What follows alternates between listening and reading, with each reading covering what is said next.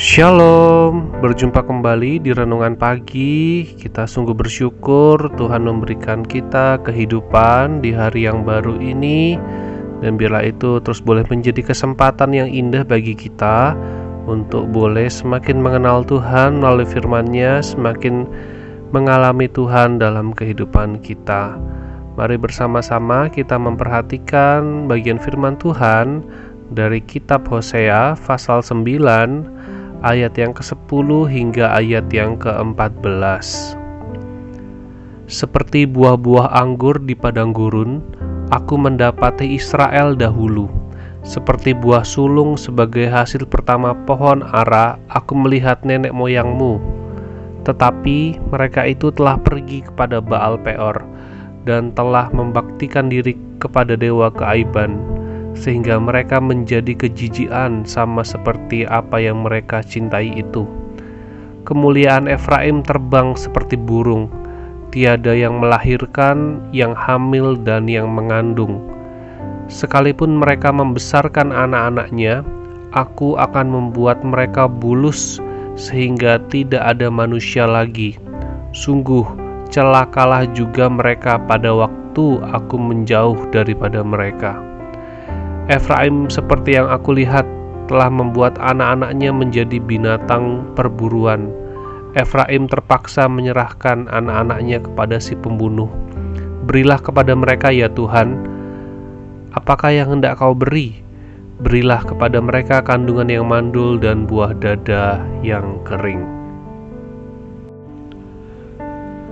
Bagian ini menunjukkan bagi kita di hari ini bahwa Tuhan selalu memperhatikan umatnya, Tuhan memperhatikan Israel. Dari awal mula Tuhan bertemu dengan Israel, dari awal mula Tuhan mengadakan perjanjian, mengikat perjanjian dengan umat Israel.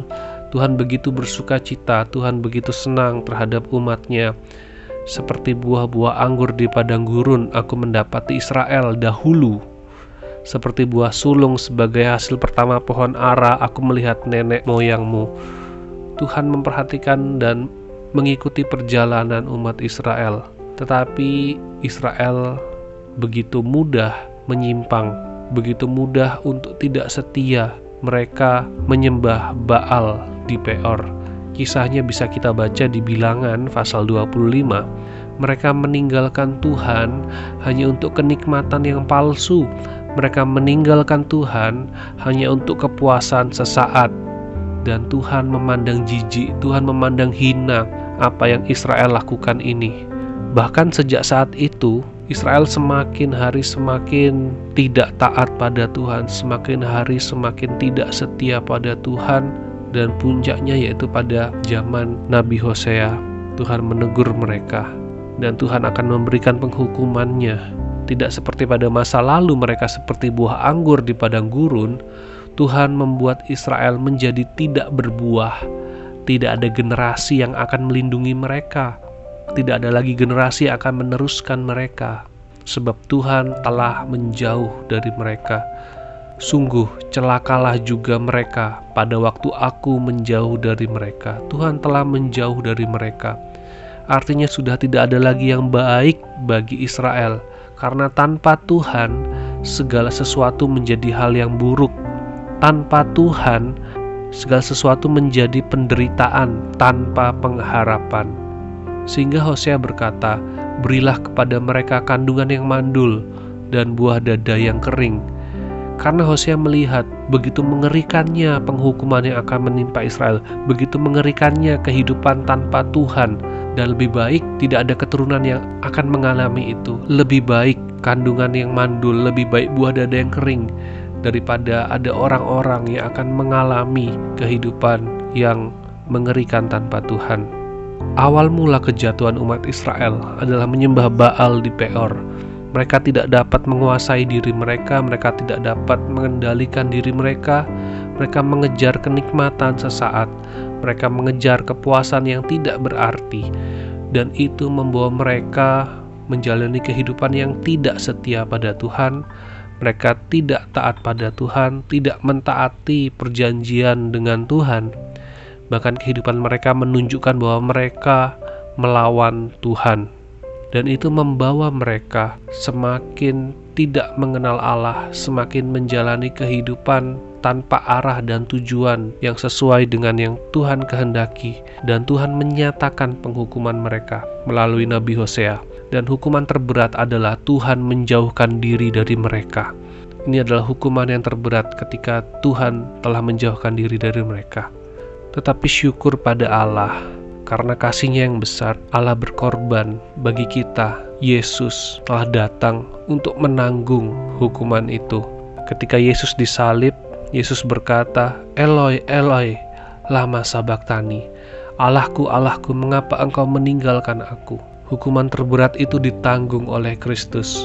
Hukuman bagi manusia ditimpakan kepada Kristus. Yesus Kristus sudah menanggungnya. Artinya hidup di dalam Yesus adalah hidup yang dekat dengan Tuhan karena hukuman itu sudah ditanggung, karena hukuman itu sudah dilaksanakan. Jadi kita hari ini yang hidup di dalam Yesus, mari kita senantiasa menyadari bahwa kita dekat dengan Tuhan dan kita senantiasa libatkan Tuhan dalam kehidupan kita. Jangan melupakan Tuhan. Taatilah Tuhan. Karena Tuhan ada bersama dengan kita, Tuhan menyertai kehidupan kita. Kita tidak lagi di dalam penghukuman, kita tidak lagi di dalam penderitaan tanpa pengharapan, sebab di dalam Kristus kita memiliki pengharapan yang teguh. Di dalam Kristus kita mempunyai hidup yang terjamin. Oleh sebab itu, mari kita jalani hidup kita dengan penuh pengharapan kita menjalani hidup kita dengan penuh ketaatan di dalam Kristus, kita melakukannya dengan ungkapan syukur kita karena kita sudah diselamatkan. Mari kita berdoa. Bapa di surga, kami bersyukur Engkau begitu baik. Engkau menyatakan dirimu bahwa Engkau adalah Allah yang benar, Allah yang sejati, dan Engkau juga menyatakan kasih-Mu melalui Yesus Kristus sehingga kami, ya Tuhan, tidak lagi di dalam penghukuman, tetapi kami boleh hidup di dalam anugerah-Mu. Terima kasih ya Bapa untuk keselamatan yang telah Kau nyatakan melalui Yesus Kristus. Biarlah kehidupan kami sungguh-sungguh adalah kehidupan yang boleh kami jalani dengan penuh syukur, yang boleh kami nyatakan dalam ketaatan kami, dan biarlah kekuatan dan kasih dari Tuhan memampukan kami untuk kami boleh menjalani hidup kami seturut dengan kehendak-Mu. Kami menyerahkan ya Tuhan untuk kehidupan kami di hari ini. Kiranya Tuhan boleh memberkati kami, memimpin kami untuk kami boleh menjalani hari ini dengan ketaatan penuh kepadamu. Di dalam nama Tuhan Yesus kami berdoa. Amin. Selamat pagi, selamat beraktivitas. Tuhan Yesus memberkati.